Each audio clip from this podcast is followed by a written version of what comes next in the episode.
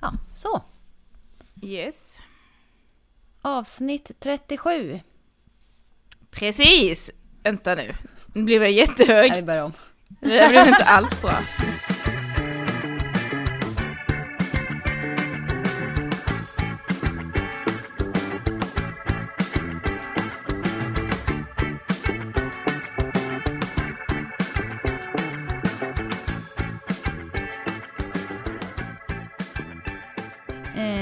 Avsnitt 37. Av På tal om djur. Ja. ja, och nu sitter vi ju inte tillsammans längre. Nej, precis. Nu kör vi över internet, så att säga. Ja, men precis. Men det funkar ju bra också. Ja, det är tur att vi har teknik ändå. Mm. Så att vi kan jobba så här. Precis, precis.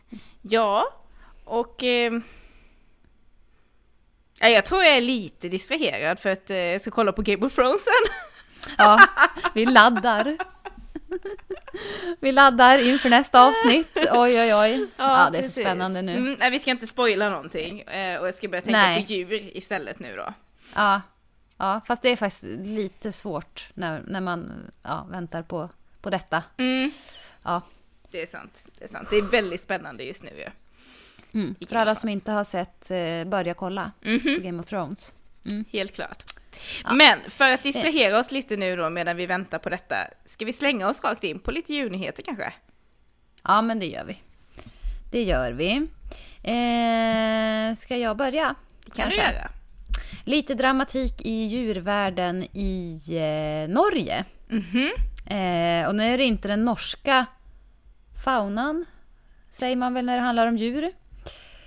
Eh, utan det här handlar om djur som eh, fanns på en djurpark. Okej. Eh, vi har ju förut pratat om diverse djur som har rymt. Eller blivit kidnappade, Mm. eller vad vi ska kalla det, från eh, ja, eh, diverse djurparker. Ja. Eh, eller ja, Mm. Universium. Nej, heter det Universium? Mm. Ja, Göteborg. Universium. Ja. Det var den där Ja. lilla apan. Ja, men precis. Så var det något Ja. annat djur som de hade blivit av med Mm, ett tag. Eh, men det här är i alla fall en djurpark som heter den lille Dyrehagen i någonstans sydöstra Norge. Mm. Där eh, hade fem stycken lemurer bara spatserat ut genom dörren Nej men, till den regnskog som de bodde i. eh, de, ja, de tänkte att nej, nu får det vara bra. mm. Eh, Efter att ha bott där då i nio år i den här regnskogen. Så det var efter nio år de fick nog. Ja, men precis. Eh, nu ska jag se om jag kan eh, säga vad de här lemurerna het- heter. Lichi, Adolfo, Abeke, Akia och Linghi. eh, mellan 3 och 14 år gamla. Mm.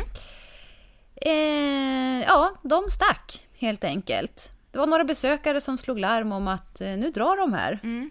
Eh, spårlöst försvunna. Eh, blev en polisanmälan på det här såklart och eh, då går polisen ut med ett litet signalement på de här fem ringsvanslemurerna från Madagaskar. Mm. Du har ju pratat om lemurer tidigare, så de vet vi ju hur de ser ut. Eh, svarta och vita. Och lite människolika de- i vissa vinklar. Ja, nej, så här har de skrivit på Twitter, polisen då i Norge. Eh, de ska vara svarta och vita, beskrivs annars som tama och ofarliga. Jättebra signalement! Fattar man ju precis. Mm. Eh, det här var då alltså, nu ska vi se. Det var, den, eh, ja, det var på första maj Mm. som de eh, bestämde sig för att dra. Eh, men såg jag nu i lördags Mm. kom eh, uppföljningen då att man har faktiskt hittat fyra av fem Asså. av de här lemurerna. Men det är fortfarande en som är på vift då? Ja, står det så här att den lille filuren Adolfo, Mm. eller hur man nu säger hans namn, satt och solade när han hittades cirka 700 meter från djurparken. ja, de ville bara ut och chilla lite. Ja. Helt enkelt. Eh, ja, men vad som har hänt stil. med den här... Ja, Bara sitta där sola. absolut. Mm. Ja, det känns som att de tog väldigt lätt på det här. Mm. Att de bara, ja men vi ska bara titta lite, Ja, ta det lugnt. Ska det vara så svårt? Men vad som har hänt med den här äh, femte, det är så långt... Eh, ja, det finns inga mer Det kanske inte är Så vi får se. uppklarat än liksom. Nej men precis, den kanske fortfarande är ute och den jobbar på brännan lite till. Mm. Mm. Så att säga. Ja. Men då kan jag fortsätta på temat lite på temat. Mm. Eh, det är en väldigt kort nyhet som eh, Ekot har lagt ut på Instagram såklart, där jag hittar Mm. alla nyheter. Eh, och då handlar det om eh, katten Bus som drog hemifrån. Och sen eh, efter tio år så hittade han hem igen.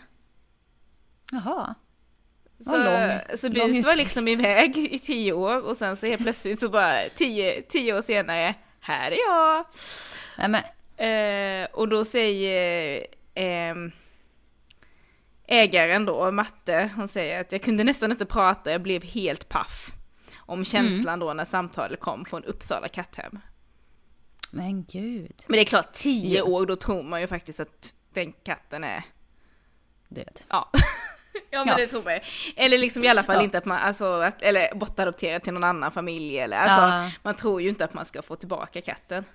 Nej. Men, Så jag hade ju varit lite sur på katten och så här, jaha. Ja men Nu nu, nu passar det. passar det, exakt. Det är precis som att eh, ja, du hittade typ en bättre familj tills eh, den inte dög längre och då kan du komma tillbaka liksom. Mm. Ja, Mm. lite grinig hade jag varit. Ja, jag har också varit det. Det är helt klart.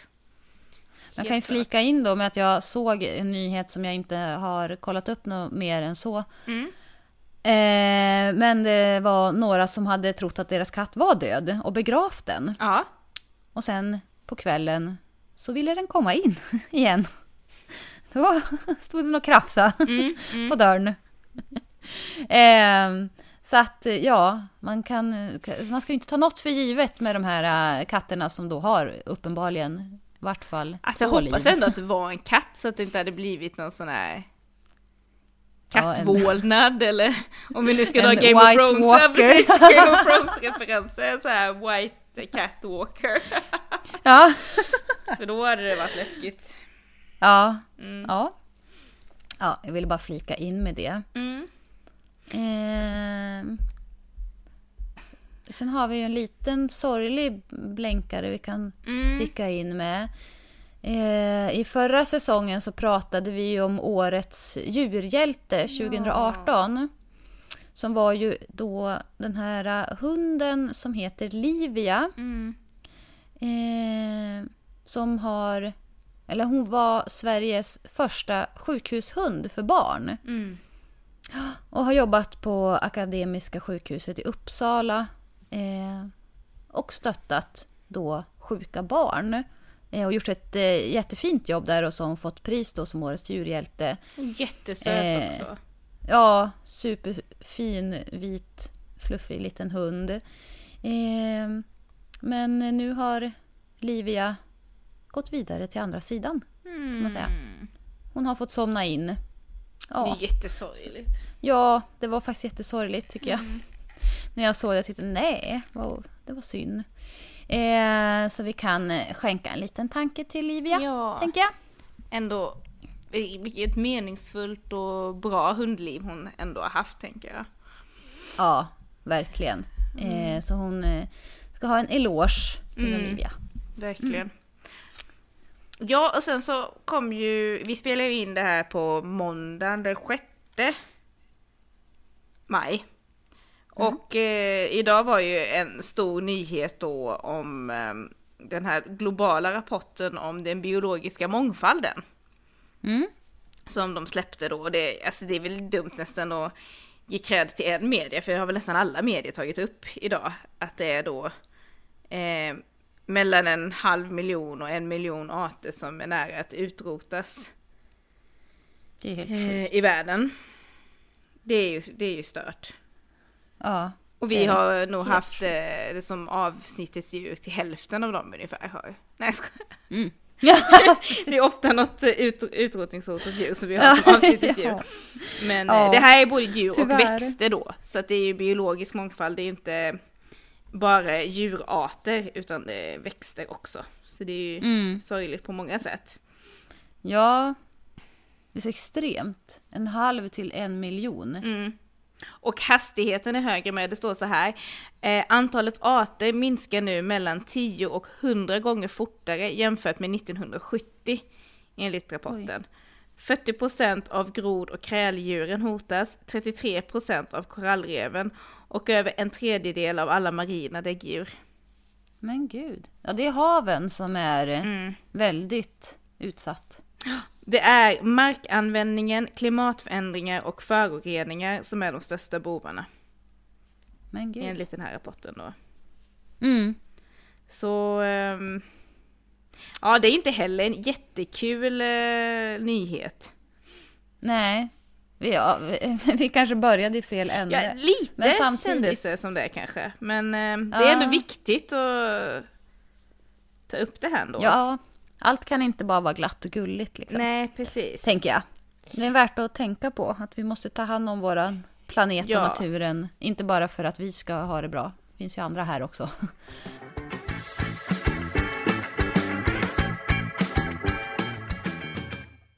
Ja, då är det ju du som har varit på lite utflykt Petra. Ja. Jag har inte jättebra koll på vad du har varit, men eh, du... Ja, vad har du jag- varit? Vad ska jag berätta? Ja, lite. Ja, eh, jag har varit väg, iväg på en eh, ekogård. Eh, där man då ja, odlar ekologiskt och de även har ett kretsloppshus. eh, Det låter kallas. spännande. Ja, eh, där allting, eller så gott som allting i hela huset, hur det är byggt och allting är av naturmaterial och skulle kunna mer eller mindre komposteras. Sen är det klart, vissa saker är svårt, men liksom på det stora hela så är hela Mm. huset eh, återvinningsbart. Coolt. Ja, eh, och i då det här kretsloppstänket så fyller ju djur en funktion. Ja, det kan jag tänka mig. Ja, Mm. men eller hur? Eh, och eh, så jag åkte till Alstagård som det heter. Eh, och pratade med de som driver den här gården och om liksom eh, Alltså vilken funktion fyller de djur som de har och har haft? Ja, jag heter Hans Norlén och är eh, pensionär sedan två år tillbaka. Och jag bor här på Alstagård, Bjärtrå. Och mitt namn är Inger Holmberg och jag är gift med Hans. Och vi har drivit Alsta gård sedan 94. Framförallt då med ekologisk odling. Ja, vi, vi köpte den ju då 94 som en avstyckad jordbruksfastighet.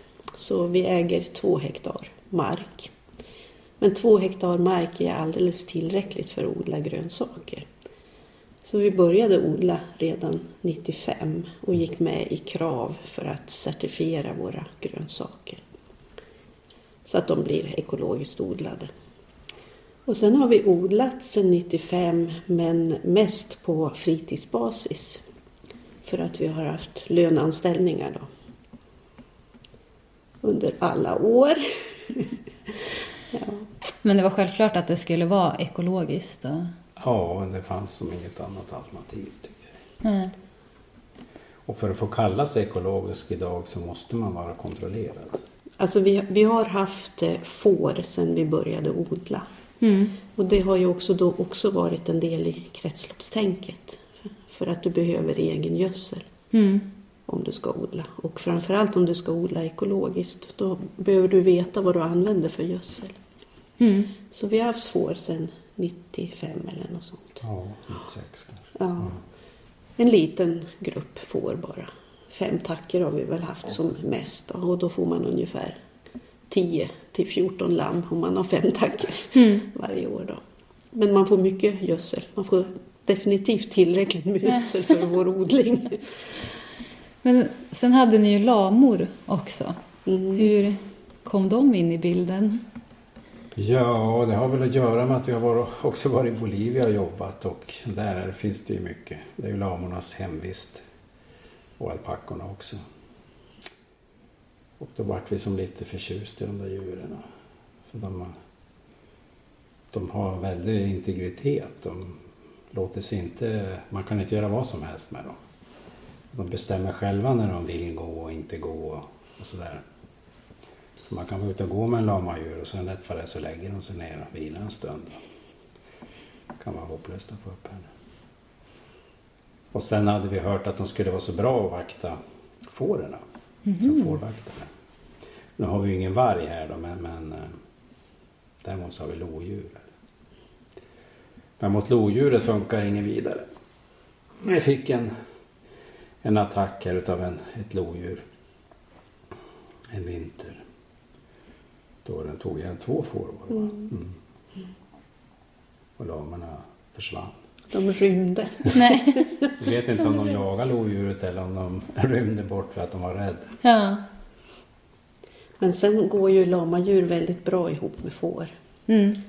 De äter samma saker.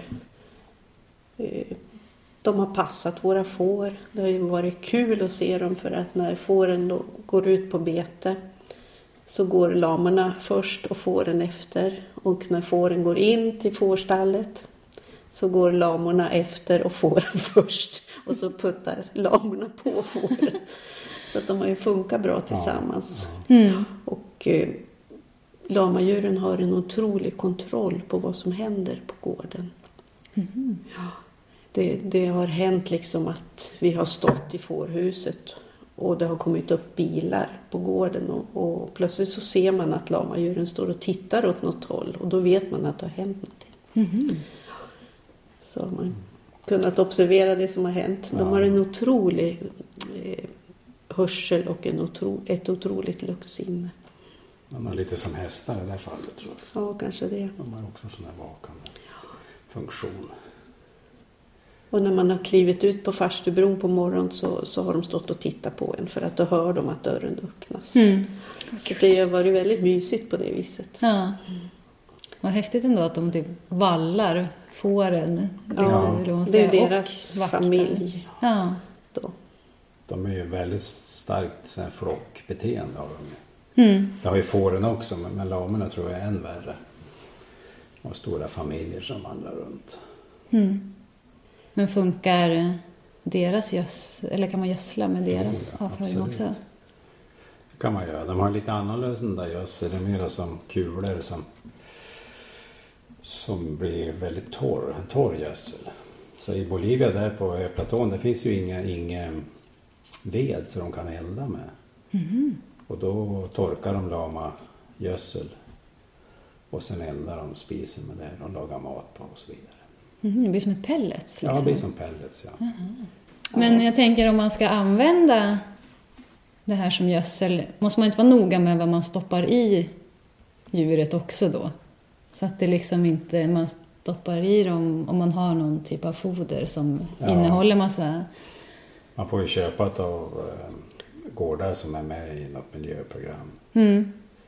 Absolut. Om man inte har eget, egen vall då. Mm. Alltså våra får och lamadjur har ju bara ätit vall, alltså gräs. Mm. Inget kraftfoder eller så. Mm, okej. Man vet att det som går runt och kommer ut är liksom Ja, bra. precis. Att det inte innehåller massa, vad det nu kan vara, i olika foder liksom. Men både djuren då och det här huset och vår odling har vi ju sett som olika delar i kretsloppet. Mm. Det är ju också därför då som vi kallar huset för ett kretsloppshus. Det vi har kunnat odla med hjälp av gödsel har vi sen kunnat använda i vårt kök i kretsloppshuset. Mm. Så att det har blivit mat Ja. till våra gäster. Vi ska ju säga det också att i, i det här huset så har vi urinseparerade toaletter. Ja. Vi samlar upp urinen i en tank och sen på våren då så sprutar vi det på, på vallen då, på gräset. Som gödsel då. Mm. Och så växer gräset upp. Mycket bättre. Så att det är ju också ett sätt att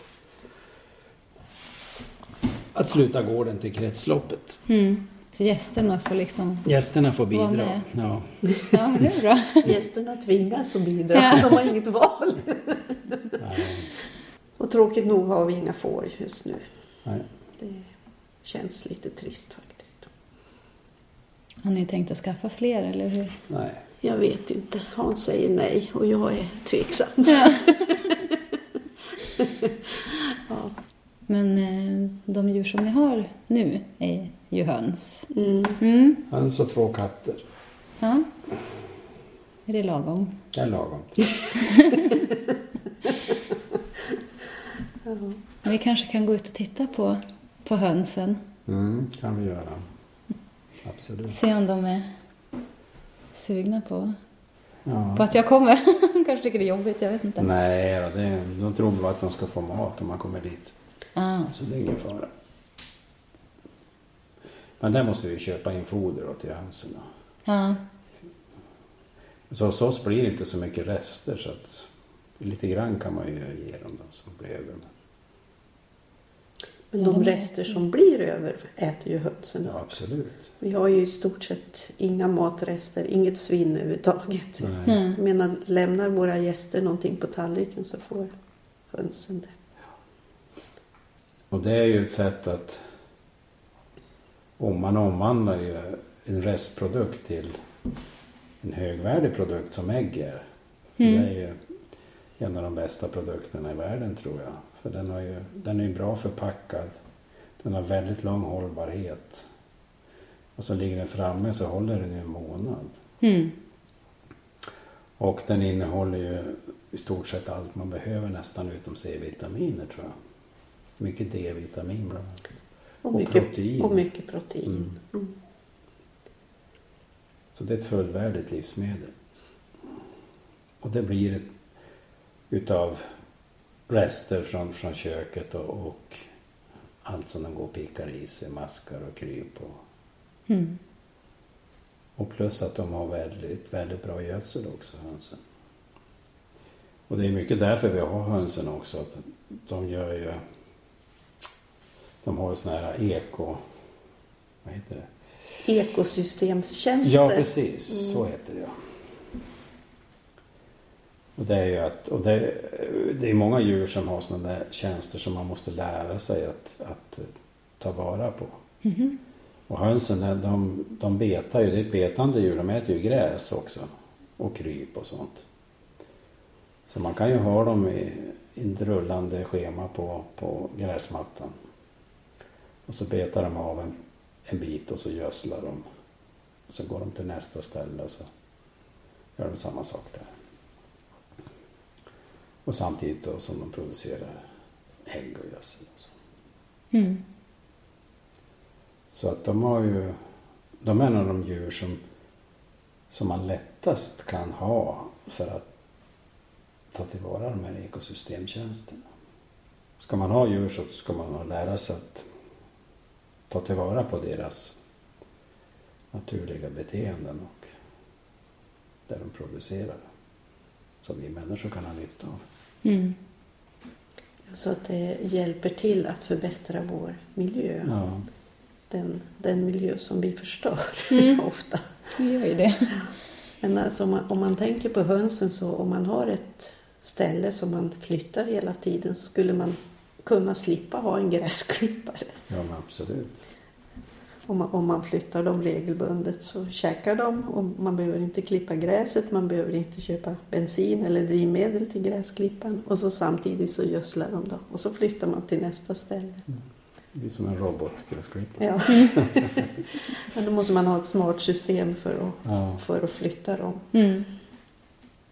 Ja, är Alltså nu, om du ekologiskt certifierar dina ägg så måste hönsen gå ut, få gå ut.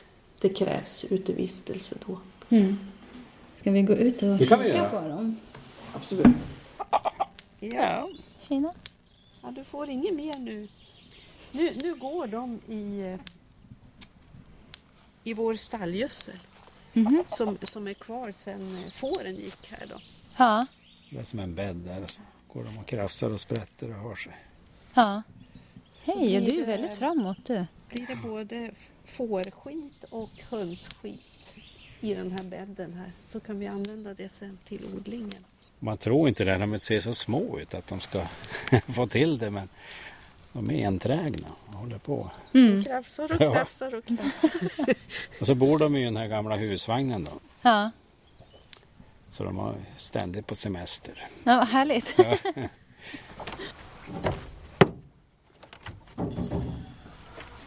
stiger på. Åh! Men hej!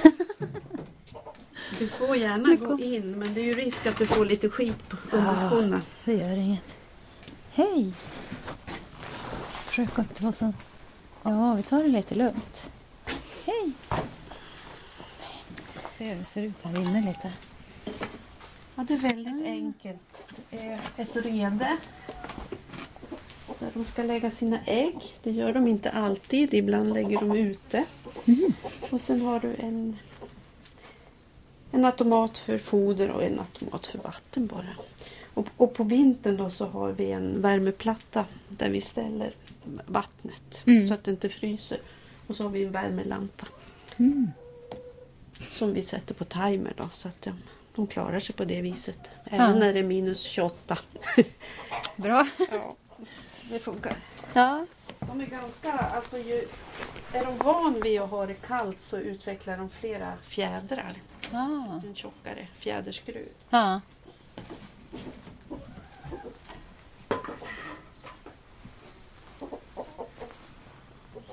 Ska se nu. Ja, buddy, buddy, buddy, buddy, buddy. Buddy, buddy, buddy, buddy. Musa. Buddy, buddy, buddy. Och se om tog min hand. Bodi, bodi.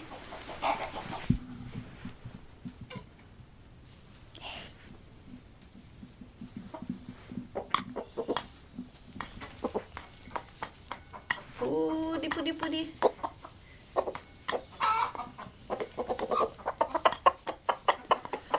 Du ser, nu, nu ta- talar han om att det finns käk här. Kom, kom, kom, det finns käk.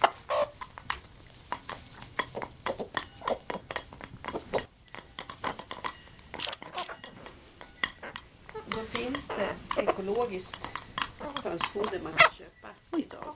Ja.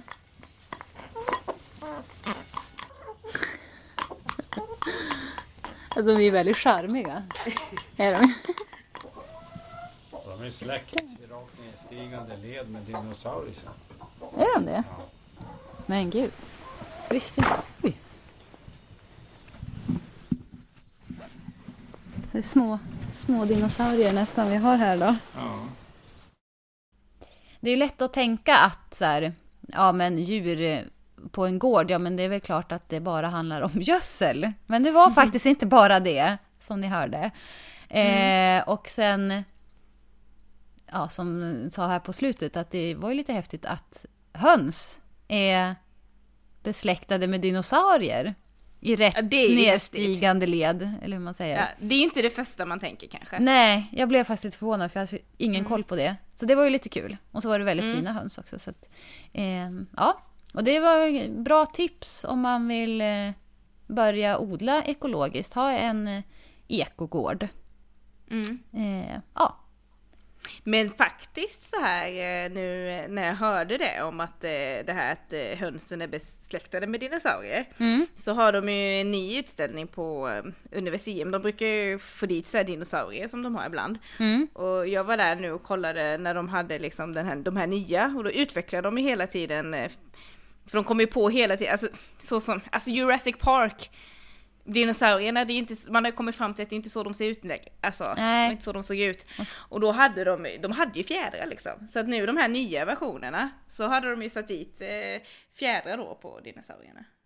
Eh, T-rexen hade ju fortfarande de här löjligt korta händerna du vet. Mm. Eh, och eh, de har ju fortfarande samma form och så. Men de, hade, de var liksom så här lite duniga och fjädriga.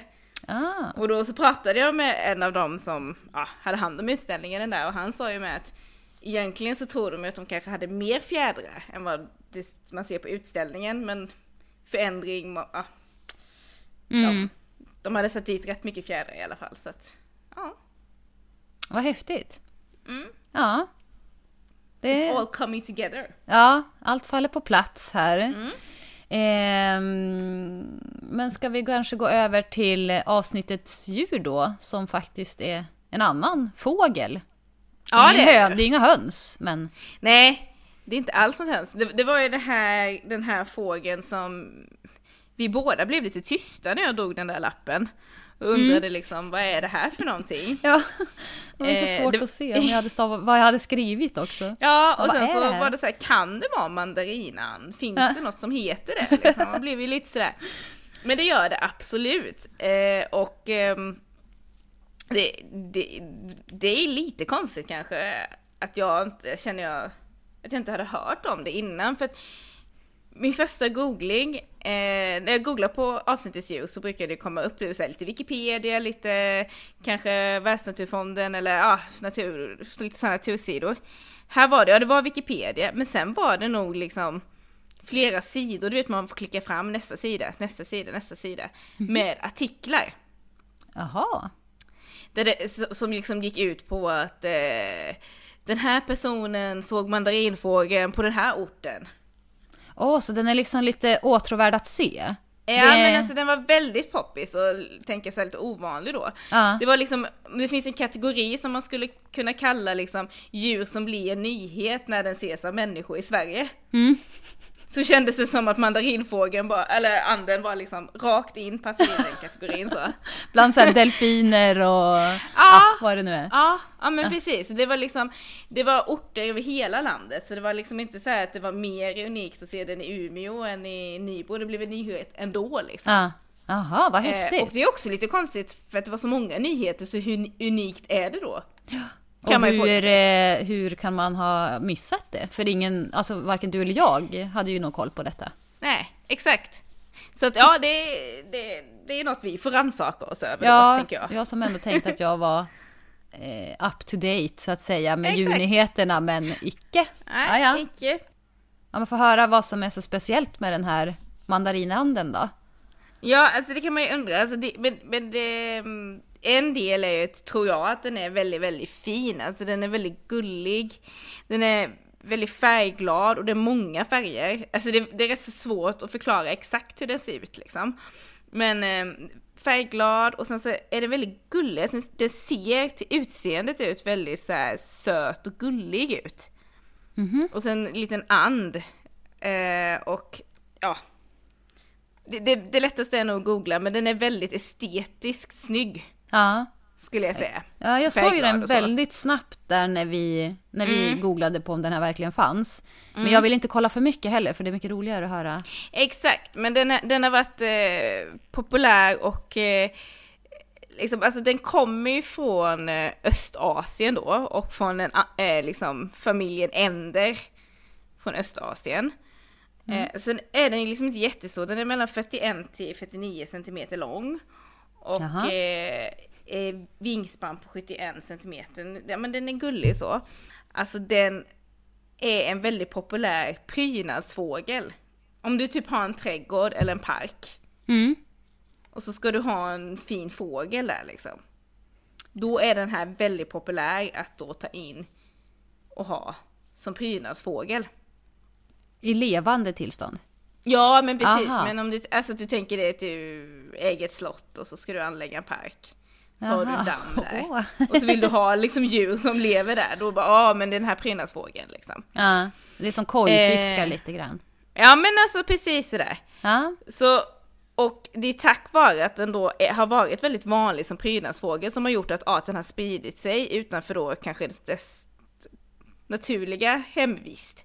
Mm. Som den i vanliga fall då bor i Östasien, typ vissa delar av Ryssland, Kina, Korea, Japan och sådär.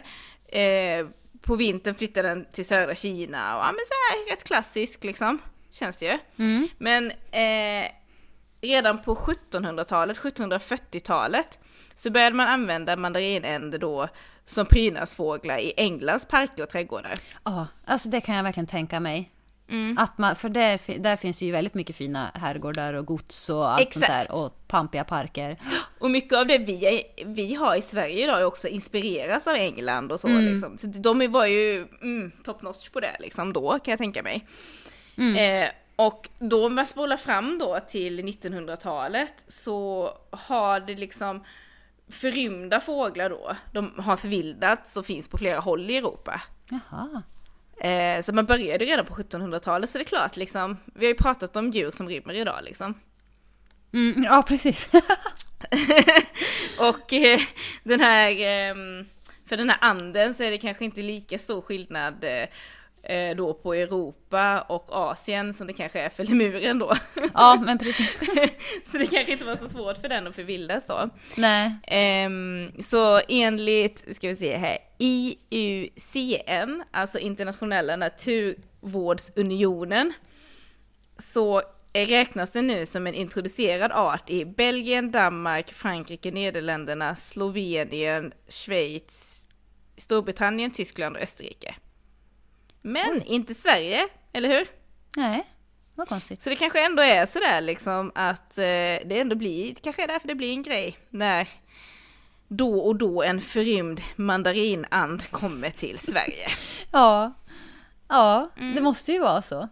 Mm. Men eftersom det ändå Nej, var så ofta tänkte jag att den nästan fanns här liksom. Ja, man, ja precis, men den räknas ändå inte som etablerad på det sättet. Men ändå så står det med att klimatet i Sverige verkar ändå passa den rätt bra så att ja, det kanske är någonting som vi kommer få se mer och mer av liksom. Mm. Spännande. Eh, men rent hur den gillar och sådär, den gillar liksom små vatten. Funkar också skitbra i en trädgård tänker jag, man har kanske liksom inte så mycket vatten. Eh, men det ska vara träd längs med stranden gärna, för då kan den bygga hål, eller liksom den bygger hål i träden då. Och eh, den söker sin föda på land och sådär. Och så har vi också pratat om det här med att vara utrotningshotad. Är den utrotningshotad? Nej, den är faktiskt inte det. Va? Men? Nej, den minskar i antal. Men enligt den här då internationella naturvårdsunionen så man klassar den inte som hotad än. Utan den räknas som livskraftig och den finns ungefär 65 till 66 000 individer. Oh.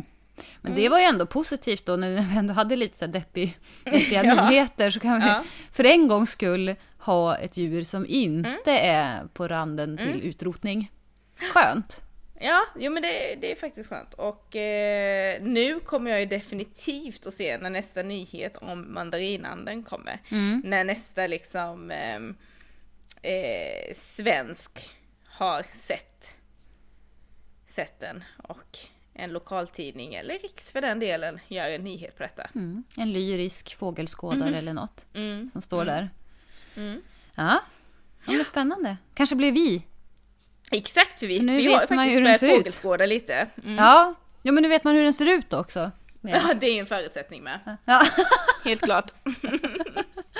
ja, men gud, spännande. Ja. Då är det Härligt. din tur att dra en lapp. Ja, det ska jag göra. Och för en gångs skull jag har ju tagit med mig burken ner så jag inte behöver springa upp för trappan och hålla på och rafsa runt.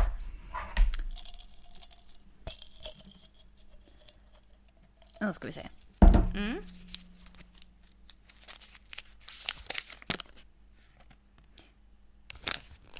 Jag tror inte vi har haft den här. Det är, det är mycket fåglar. Lunnefågel. Jag tror inte vi har haft den heller. Nej. Alltså skulle vi ha haft det får ju någon hojta till som har bättre koll än vi har. Och så får jag väl jag hitta på något du, annat. Du, du, börjar, du kommer säkert på det när du börjar leta information om den. Ja, då drar jag en ny. Och då får du dra en ny i så fall. Helt mm. ärligt ska jag liksom dra en ny lapp. Ja. Inte fuska på något vis, jag lovar. Nej, jag har ju ingen möjlighet att kolla upp om du håller det du säger, men jag litar på dig. ja, men det är bra. Det känns bra. Mm. ha. Ja. Då så, det var allt för detta avsnitt. Ja, så hörs allt. vi väl igen om två veckor. Det gör vi definitivt. Eh, och då kommer vi vara i extas, för då kommer det vara upplösningen på Game of Thrones också. Tror jag. Shit, det kommer det vara. Ja. Då kommer det vara två stissiga brudar här. Ja, men jag tänker så här för vi får nog spela in det på, på lite innan då avsnittet. Ja, så det inte blir helt knäppt allting. Eh, eh. Ja, det kan vi ja, planera sen. Vi, vi eh, planerar det vidare sen. Men ja. tills dess. Ha det bra, vi hörs. Hej.